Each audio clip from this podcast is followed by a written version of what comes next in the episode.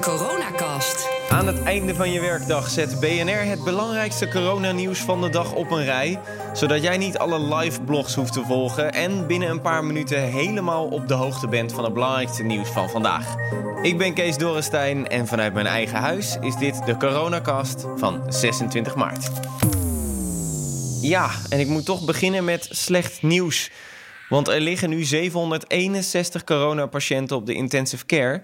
En dat is een stijging van 117 personen in één dag. De hoogste stijging tot nu toe.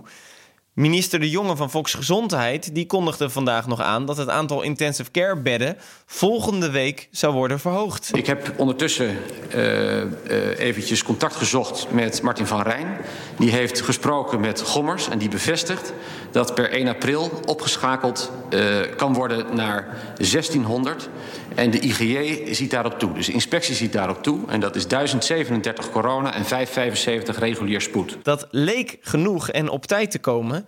Maar Diederik Gommers, voorzitter van de Nederlandse Vereniging voor Intensive Care, die zegt tegen BNR dat het door deze stijging te hard gaat en niet op tijd komt. Toen we afgelopen woensdag uh, bij die technische briefing zaten en de grafieken van de uh, RIVM zagen, hebben we toen uit die grafiek gedestilleerd dat we 1 april 1100 patiënten hebben liggen.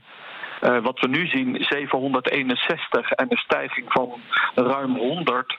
En dan zijn we er over drie dagen in plaats van over zeven dagen of zes dagen. Dan naar het Centraal Planbureau. Ja, nog meer slecht nieuws eigenlijk. Want dat zegt dat Nederland hoe dan ook in een recessie belandt, ondanks alle genomen maatregelen. En hoe langer deze crisis duurt, hoe zwaarder de recessie wordt. Ze hebben meerdere scenario's voorspeld. In het lichtste scenario krimpt de economie met 1,2 procent en de werkeloosheid loopt dan iets op tot 4 procent. Dat zegt Pieter Hazekamp, directeur van het CPB, tegen ons. In dat geval uh, kan er ook weer snel herstel optreden. Dan verwachten we eigenlijk dat uh, al vanaf het derde kwartaal de economie weer, uh, weer aantrekt. Waardoor we wel op een lichte min uitkomen. Maar de permanente schade ook beperkt blijft. Maar als de huidige coronabeperkingen zes maanden of langer gaan duren, dan krijgen we het veel zwaarder, zegt het CPB.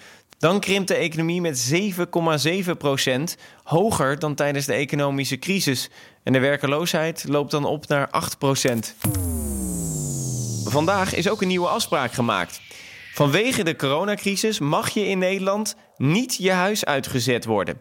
Die afspraak heeft minister Stientje van Veldhoven van Wonen gemaakt met de verhuurorganisaties en de brancheverenigingen.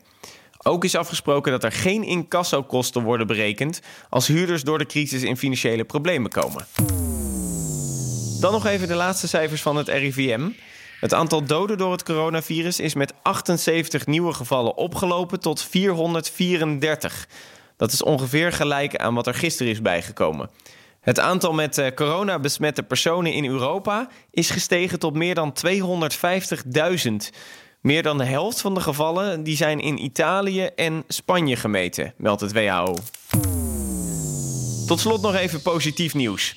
Het Maastricht UMC die gaat een Chinees algoritme gebruiken om sneller diagnoses te kunnen stellen over coronapatiënten.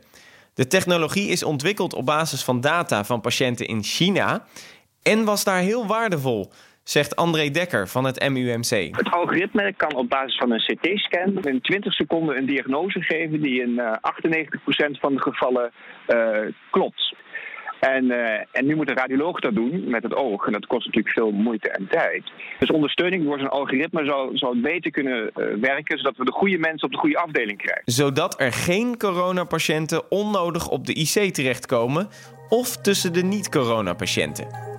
Tot zover de coronacast van vandaag. En onthoud, blijf zoveel mogelijk binnen, niezen in je elleboog. En, zoals Arjan Lubach altijd zegt... Het principe is echt heel simpel. Hoe meer mensen afstand houden, hoe minder mensen doodgaan.